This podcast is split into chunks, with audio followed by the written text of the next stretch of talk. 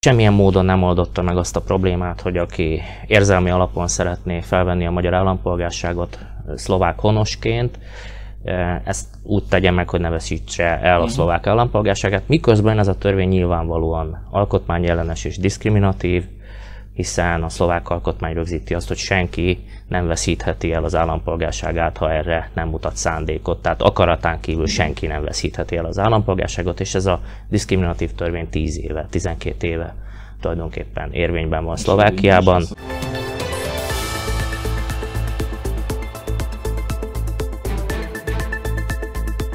Üdvözlöm kedves nézőinket, új adásra jelentkezik a Nagyító Média Családunk politikai háttérműsora.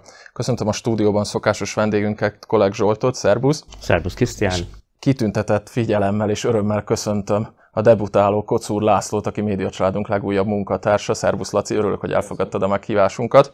Hát vágjunk is bele a mai témáinkba, akad belőlük épp elég. Ugye csütörtökön vesszük fel az adást, szerdán a szlovák törvényhozás megszavazta második olvasatban is az állampolgársági törvény módosítását. Ugye ez a Ficoféle állampolgársági törvénynek egy ilyen módosítása, amely hivatott volt megoldani elvileg, aztán utólag kiderült, hogy ez nem történt meg, hivatott volt megoldani azokat a problémákat, amelyeket ezzel a Ficoféle ellen állampolgársági törvényel, amelyet ugye a magyar egyszerűsített honosítási törvény ellen hozott a Fico kormány.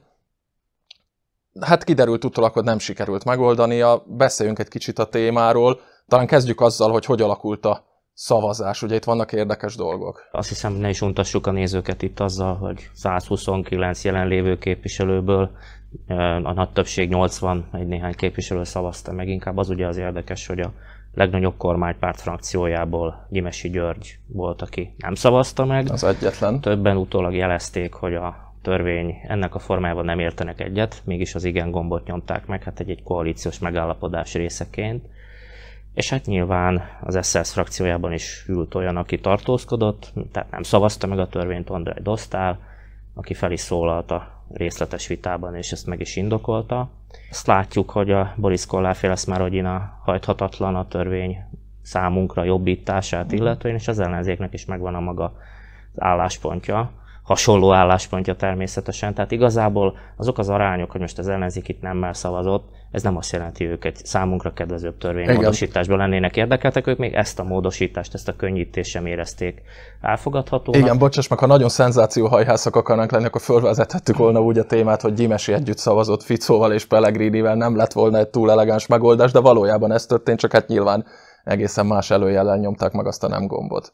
Igen, és hát leginkább az látszik, hogy a szlovák politikai osztály ebben a tekintetben szinte egységes, uh-huh. és a részt kell keresni a pajzson egyáltalán, hogy változtatás legyen. A gond leginkább az, hogy ezzel megint évekre úgy néz ki, hogy eldőlt a dolog, bár van egy ilyen lehetőség, amit a szövetség is kezdeményezett, hogy normakontrollt, alkotmányossági normakontrollt kérhet az államfő, ha nem írja alá a törvényt, meglátjuk, hogy hogyan alakul, és hát civil úton is lehet kezdeményezni egy alkotmányossági eljárást, vagy akár a parlamenti képviselők közül, jól hiszem 30 képviselőnek uh-huh. az aláírására van szükség, és akkor ez az előzetes normakontroll szintén kérhető az alkotmánybíróságtól, de azt is láttuk, már előzőleg volt ilyen, hogy az alkotmánybíróság nem tudott állást foglalni az ügyben, annyi változtatás van, hogy ott módosították az alkotmánybíróságról szóló törvényt, hogy mindenképpen az Alkotmánybíróság szenátusa dönteni kényszerülne, most már a kérdésben nem tudná e, ilyen módon döntésképtelennek mutatni magát, sok esetben ez azért így is értékelhető, az az akkori nem döntés. Összességében tehát e, helyzetünk az állampolgárság kapcsán nem javult, és, és nem is biztatók azok a, azok a feltételek, amiket most a szlovák nemzetállam felénk mutat ennek kapcsán. Laci, arra kérnélek, helyezzük egy kicsit kontextusba ezeket az eseményeket. Ugye 2010-ről beszéltünk, akkor fogadták el a Ficoféle állampolgársági törvényt. Kicsit járjuk ezt körül, hogy mi történt akkor, mi történt azóta, és mi az, ami miatt még tulajdonképpen ma is azt lehet mondani, hogy a felvidéki magyarság számára ez a módosított állampolgársági törvény is hátrányos, illetve előnytelen, sőt tulajdonképpen semmit nem old meg abból, amivel problémánk volt. A Fico, úgynevezett Fico jellentörvény szó szerint a Fico kormány regnálásának végnapjaiban hozták meg a magyar egyszerűsített honosításra reagálva. Ugye ez 2010. augusztus 20-ától szimbolikusan Szimbolikus dátum, így van. lépett hatályba, és a következő évi ügyintézésekre vonatkoztatható. ugye emlékszünk arra, hogy nagy-nagyon hevesen talán a biztonsági tanácsot is összerántva egy ilyen mackófelsős, mackófelsős sajtótájékoztatót produkált Robert Fico akkoriban. Igen, tényleg. Látod, erre nem is emlékeztem, ez, valóban. Tehát, hogy annyira veszélyeztette az ország biztonságát, hogy még ez a sem volt ideje fölvenni. Ugye az első reakció, első reakció nagyon heves volt, és utána a belügyminisztérium folyamatosan kiadta a statisztikákat arról, hogy ennek a törvénynek a hatája alatt kik és milyen körülmények között veszítették el az állampolgárságukat. És általában az egyszerűsített honosítás miatt a magyarok csak így a középmezőnybe kerültek általában a külföldi házastársat választó szlovák állampolgárságú nők vagy férfiak voltak ennek az elszenvedői. Elsősorban cseh kettős állampolgárok. Így van, leg, leg, leginkább legnagyobb mennyiségben a csehek, illetve hát ugye Nagy-Britannia, Németország szintén előkelő helyen szerepelt. És ugye 2010, 2010 decemberében, amikor Orbán Viktor már nem Robert Ficóhoz, hanem Iveta Ragyicsovához Pozsonyba látogatott, akkor ott Iveta Ragyicsová nagyon finoman, nagyon cizelláltan a diplomácia virágnyelvén, de jelezte, hogy ugye akkoriban Magyarország számára a hitelminősítőkkel folytatott csata volt a leginkább lényeges. Uh-huh. Tehát beszédében a sajtó közös sajtótájékoztatón Orbán Viktor elsősorban Magyarországra üzent, nyilván érintette és kifejtette akkor hatályos magyar álláspontot is, ami azóta sem változott.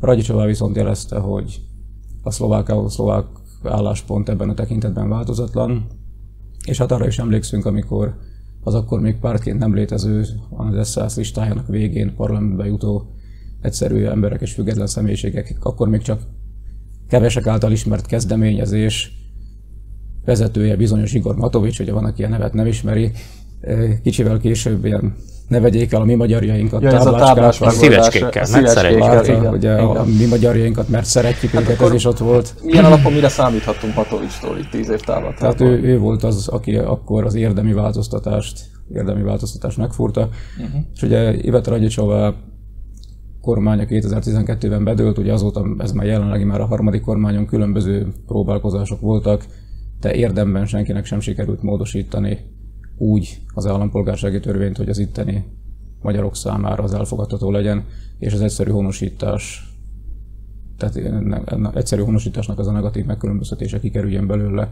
Ugye a tegnap elfogadott módosítást, a szerdán elfogadott módosítást továbbra is magyarországi tartózkodáshoz köti, vagy hát külföldi államban hmm. való tartózkodáshoz köti, tehát csak a felmenőinkre hivatkozva az egyszerűsített honosítás során tehát aki így veszi fel a magyar állampolgárságot, az továbbra is elveszti a szlovákot. Igen, hát más kérdés, hogy ugye ez nem mindig derül ki, hát nem kötelezhető az állampolgár, hogy bevallja, hogy megszerezte egy másik állam állampolgárságát, csak aztán egészen abszurd esetekről hallani, ezt például ma Nagy Dávid jogásszal beszélgetve készült egy interjú is vele, megtalálják a ma 7.sk honlapon, beszélgetve hallottam egy egészen furcsa történetet, hogy egy magyar-szlovák kettős állampolgár fiatalember, aki Magyarországra költözött, az ottani biztosítójával intézett valami hivatalos ügyet, és a, az ottani biztosító ügyintézés miatt megkereste a szlovák szlovákiai biztosítóját ennek a fiatalembernek, és ez a szlovák biztosító tulajdonképpen a lehelezésből megtudta, hogy kettős állampolgárról van szó, és hát most legyünk is prózaiak, fölnyomta a szlovák államnál a,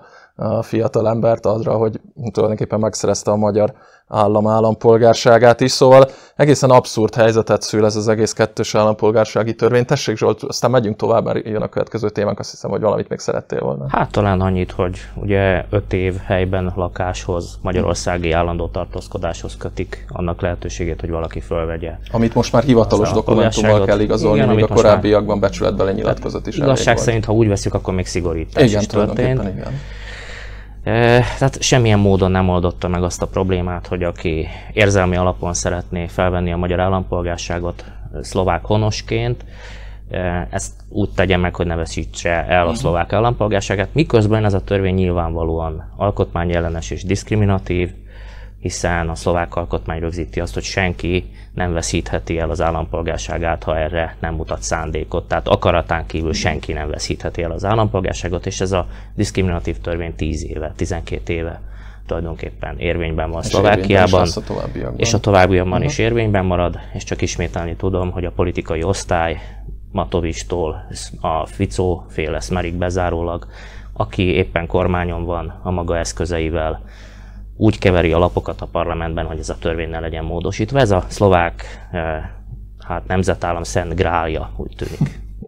Menjünk is akkor tovább, hagyjuk ezt a Szent Grárt egy pillanatra. Hát elindult hivatalosan is a magyar választási kampány, ugye április harmadikán, és nem másodikán, ahogy szegény fegyőr emlékezett rá, szóval április harmadikán országgyűlési választásokat tartanak Magyarországon. Hát, De van, aki még emlékszik-e Fekete Győr Andrásra? Ez igen, valaki, igen, jogos szegény. Elindult a választási kampány, ugye hétvégén évértékelőt tartott Orbán Viktor magyar kormányfő is, Gyurcsány Ferenc is megszólal, talán Márkizaj Péter is. Ő is megszólal, csak még nem értékel. Csak még nem értékelt. Márkizaj Péter valami évértékelőt, vagy évtized értékelőt emlegetett, bár hogy most 14-én, 15-én, 16-án, vagy 17-én tartja, azt még vasárnap nem tudta megmondani, emlékezetes az ATV szereplésén. Laci, azt kérdezném tőled, azért jó néhány kampányt megértél már te is, elemzőként is foglalkoztál vele, publicistaként, újságíróként. Mit gondolsz, mi az, amiben ez a mostani különlegesebb lehet, vagy másabb lesz, lehet, mint az eddigiek? Itt a Fidesz-szel szemben álló, Fidesz szemben álló ellenzéki tömbben itt tényleg széljobbtól szélbalig itt mindenki egyesült. Tehát az emellett, tehát a mellettük szavazók gyakorta nem e pártok mellett, hanem a Fidesz ellenében fognak ezekre a pártokra szavazni, ha rájuk fognak szavazni. Tehát itt a radikális jobb terén itt a Mi Hazánk mozgalom, a hipsterek és humorosok terén pedig a Magyar Kétfarkú Kutyapárt bizonyos billegő körzetekben kavarhatja meg, kavarhatja meg esetleg a nem is mondanám, hogy borítékolható, de inkább borítékolható, mint nem eredményeket. Valószínű eredményeket. Valószínű eredményeket. Mit gondolsz, most a fölmérések azért egész jó eredményt jósolnak mind a kutyapártnak, mint a mi hazánknak, akik jöttek már ki 5% fölötti jóslatok is számukra. Van reális esély arra, hogy a kettő közül bármelyik ott találja magát a parlamentben? Ugyanis azért nem mindegy, akár még koalíciós partner is lehet mind a kettőben, akár az egyik, akár a másik oldalon. Ezeknek a fajta viccpártoknak, mint a Magyar Kétfarkú Kutyapárt, Magyarország, tehát ha nem veszük a legutóbbi választások során is nagy számú jelenlevő gazdasági jelleggel a választási küzdelembe mm. beszálló fantompártokat, akkor tehát ez, ezeknek, a, ezeknek a fajta viccpártoknak Magyarországon nem volt olyan kultúrája és, és hagyománya, mint mondjuk a velünk szomszédos Csehországban. Tehát ez, ez az első próba. Sörbarátok pártja, még emlékeztek. Sőt, hát a kalózpárt is eleinte ilyesmire indult, nem? És aztán megkormányzott. Most arra megtalálták az ideológiai elköteleződésüket. Nálunk is volt korábban egy, egy borbarátok, mhm. borbarátok pártja. Tehát erre nem emlékeztem. Nagy, nagy eredményt nem értek el. Mi transformálódott? Fröccs barátok pártja lett belőle, vagy? Felhígult. Felhígult, igen. Hát ezt, emlékszem a választások előtti sajtótájékoztatójára egy ilyen szürcsizmát viselő úr tartotta, és hát a borbarátokat, Bocskoros? borbarátokat csak gyalázta, ugyanis kínált ugyan a sajtótájékoztatón bor, de műanyag pohárból, tehát oh. valóban nem, nem voltak barátai, hát el is Hát ez körülbelül olyan, mintha a mi hazánk párgyűlésén rossz lenne a trikolornak a színösszállítása. El, el, is, el is buktak.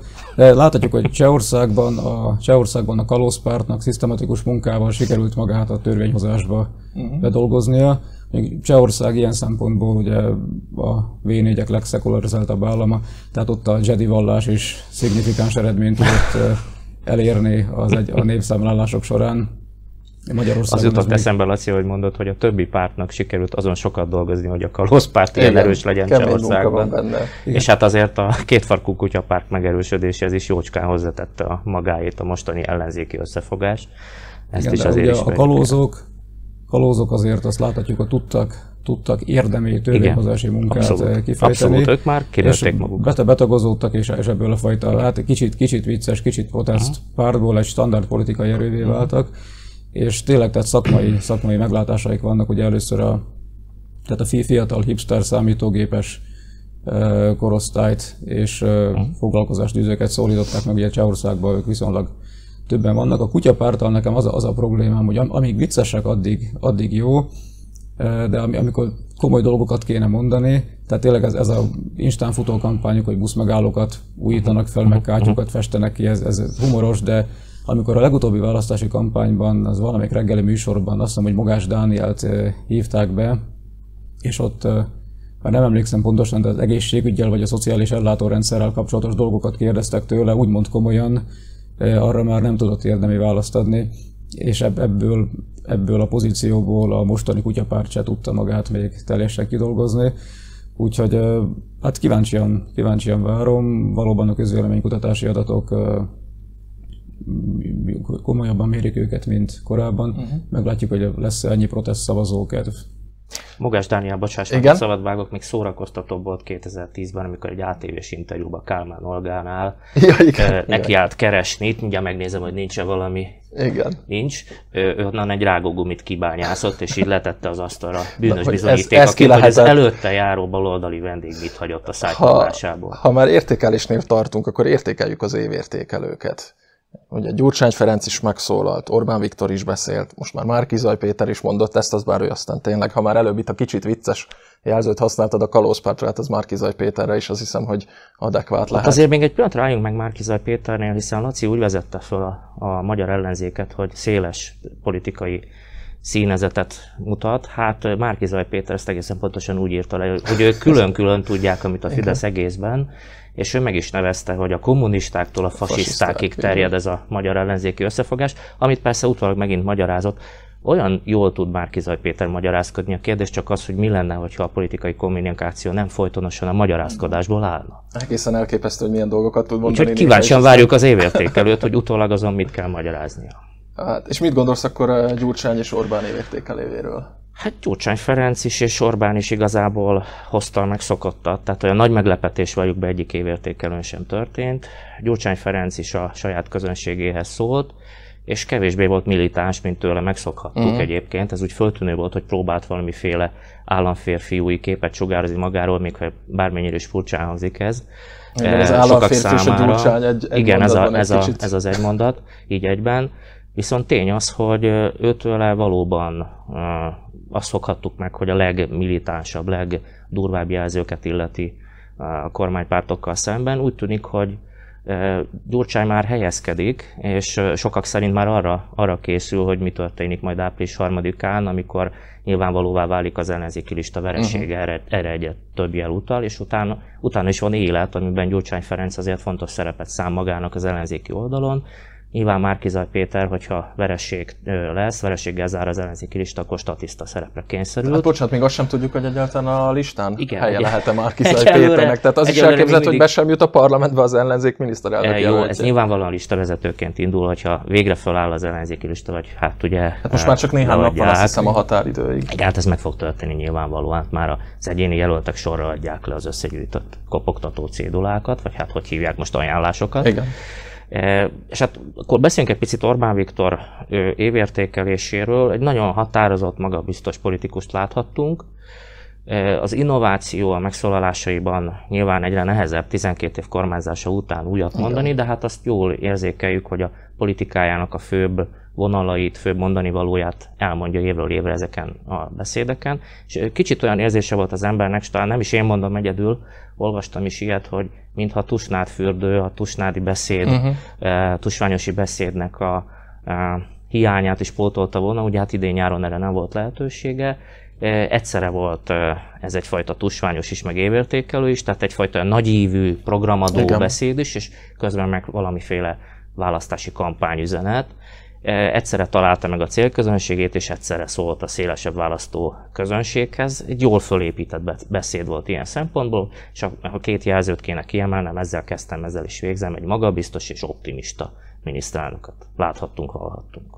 Menjünk is akkor tovább, ha már bevégezted a mondani valódat, és a témát is tulajdonképpen azzal, hogy így lezártad. Hát február 16-án elmaradt a az sokak által várva várt támadás, Oroszország nem rohanta le Ukrajnát, és hogyha mondjuk ezt az adást mi szerda este vesszük föl, akkor talán itt kárörvendre beszélhetnénk arról, hogy a nyugati sajtó már megint lukra futott, és bármennyire próbálták Putyint beleerőszakolni egy, egy offenzívába, ez nem sikerült, csak hogy időközben, csütörtökön délelőtt érdekes hírek érkeztek Kelet-Ukrajnából, mind az ukrán állam, a reguláris haderő, mind a, a Donbass két szakadár köztársaságának csapatai, vagy inkább média ügynökségei azzal vádolják kölcsönösen egymást, hogy ágyúzzák, illetve aknatűzzel lövik egymás területeit és állásait. Most azt, hogy kilőtt először, azt innen nagyon nehéz eldönteni, nyilván az orosz média, az orosz propaganda azt mondja, hogy az ukránok kezdték el lőni a luhanszkiak állásait.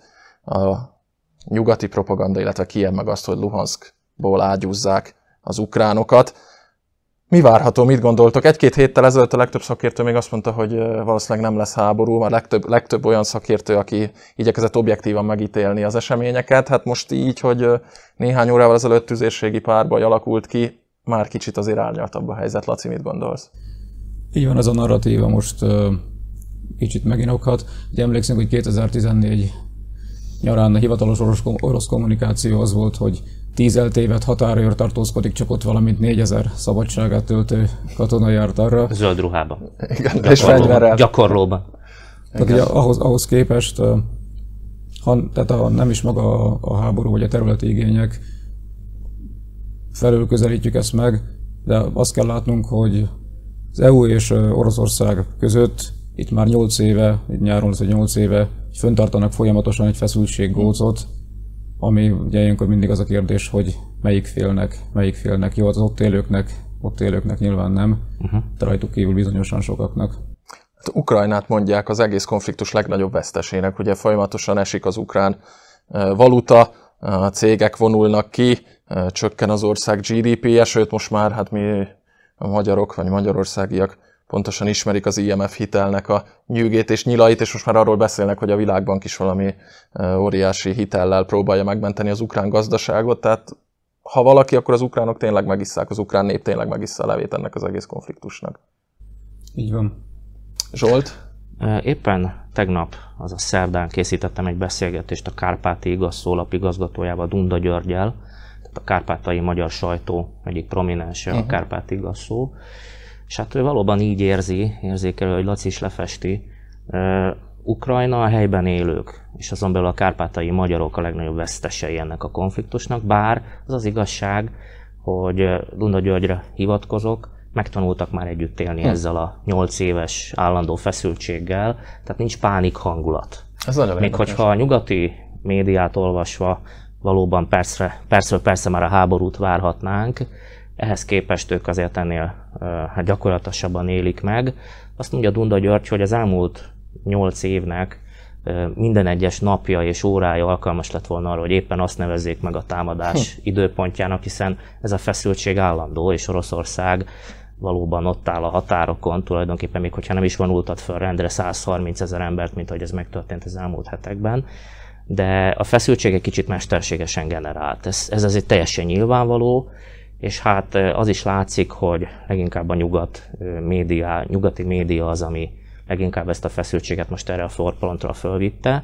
Az persze teljesen érthető, hogy vagy hát félre ne értsük, hogy Putyin is ugrásra készen áll, tehát az orosz medve azért ott áll ugrásra készen, tehát ez a feszültség ez megalapozott ilyen szempontból. De hát ezt megélni, ezt a mindennapos konfliktust, ezt máshogy nem lehet.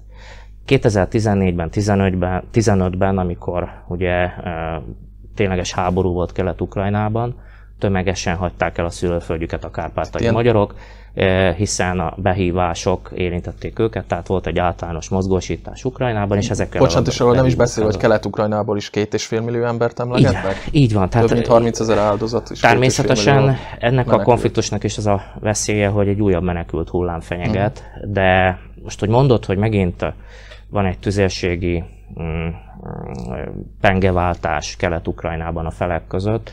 Ugye ez sem teljesen szokatlan az elmúlt persze, időszakban, persze. de most ennek a feszültségnek a tudatában beszélünk erről, hogy, hogy hát újra, újra közelebb érezzük a háború rémét.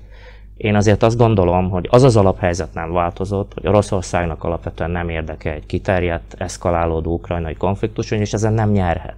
Oroszországnak az az alapvető érdeke, hogy Ukrajna az érdekszférájában maradjon, és ez egy ilyen elmélyülő konfliktussal csak inkább távolabb mm. kerül. Ukrajnában erősödik a nemzetállami nacionalizmus, ezt ki is használja az ottani rezsim, ezt is Donda Györgytől idézem. Ugye tudjuk jól, hogy a támadás napjára az ukrán összetartás napját hirdették ki, miközben a 400 parlamenti képviselőből 24 maradt az országban, mert a többiek úgy érezték, hogy külföldön Kívül vannak nagyobb biztonságban, jelentős részük Oroszországban, mert a vagyonuk ott van. Ez is egy érdekes helyzet azért Ukrajnában de hazafias műsorok mentek a, a televízióban, és föllobogozták a közép közintézményeket. Uh-huh. Tehát ilyen módon az ukrán nemzetállami nacionalizmus az virul. köszönik szépen, csak erősödik, és Oroszországnak meg az lenne az érdeke, hogy egy olyan Moszkva barát kormány alakuljon ki ebben, amilyen 14-ben volt. Tehát a megoldástól egyre távolabb jutunk, Oroszország erőből próbálja megoldani, Ukrajna meg erőből összehúzza magát, és annál dacosabb lesz, tehát igazából a konfliktus állandósulásával és nem a megoldásával lehet számolni, ennek dacára a fegyveres konfliktus azért kevésbé valószínű. Laci, gyakran emlegetik ezt a konfliktust, ugyan eddig mondjuk úgy, hogy hideg volt, nem voltak fegyveres összecsapások az elmúlt hónapokban, vagy legfeljebb elvétve. A narratívák háborújaként. Ugye a nyugat azt mondja, hogy Ukrajna miért ne dönthetné el, hogyha nyugati integráció útját válassza, miért ne lehetne a NATO tagja, miért ne lehetne az Európai Unió tagja, míg Moszkva, az orosz narratíva pedig az, hogy stratégiai érdekeket sért a NATO, illetve az Egyesült Államok azzal, hogy megpróbálja Ukrajnát, ami tulajdonképpen hát a Zsolt ezt történészként nyilván sokkal jobban tudja, de hogy orosz anyácskának egy központi régiója, hiszen a Kievi Rúsz, amelyből aztán az orosz állam kinőtte magát, az éppen erre a területre esett. Két egymást teljesen kizáró narratíva állít szemben. Mit gondolsz, hol van az igazság? Meg lehet egyáltalán találni objektívan ebben a konfliktusban a, azt az arany középutat, ami a lehető legpontosabban és a történelmi, illetve stratégiai és egyéb tényeknek és állapotoknak megfelelően igaz? Láthatjuk, hogy ez egy nagy, nagy geopolitikai játszma. Oroszország egyértelmű, hogy nem akar a határai mellett egy NATO tagországot, egy újabb NATO tagországot, hanem egy újabb EU tagállamot is. Tehát amíg, amíg csak erre lehetősége van a fenyegetés állandó fenntartásával, trollfarmjával, és mint újabban kiderült lobbistái, nyugaton működő lobbistái útján törekedni fog arra, hogy a saját álláspontját, saját álláspontját minél inkább artikulálja és minél inkább a közbeszéd homlokterébe helyezze.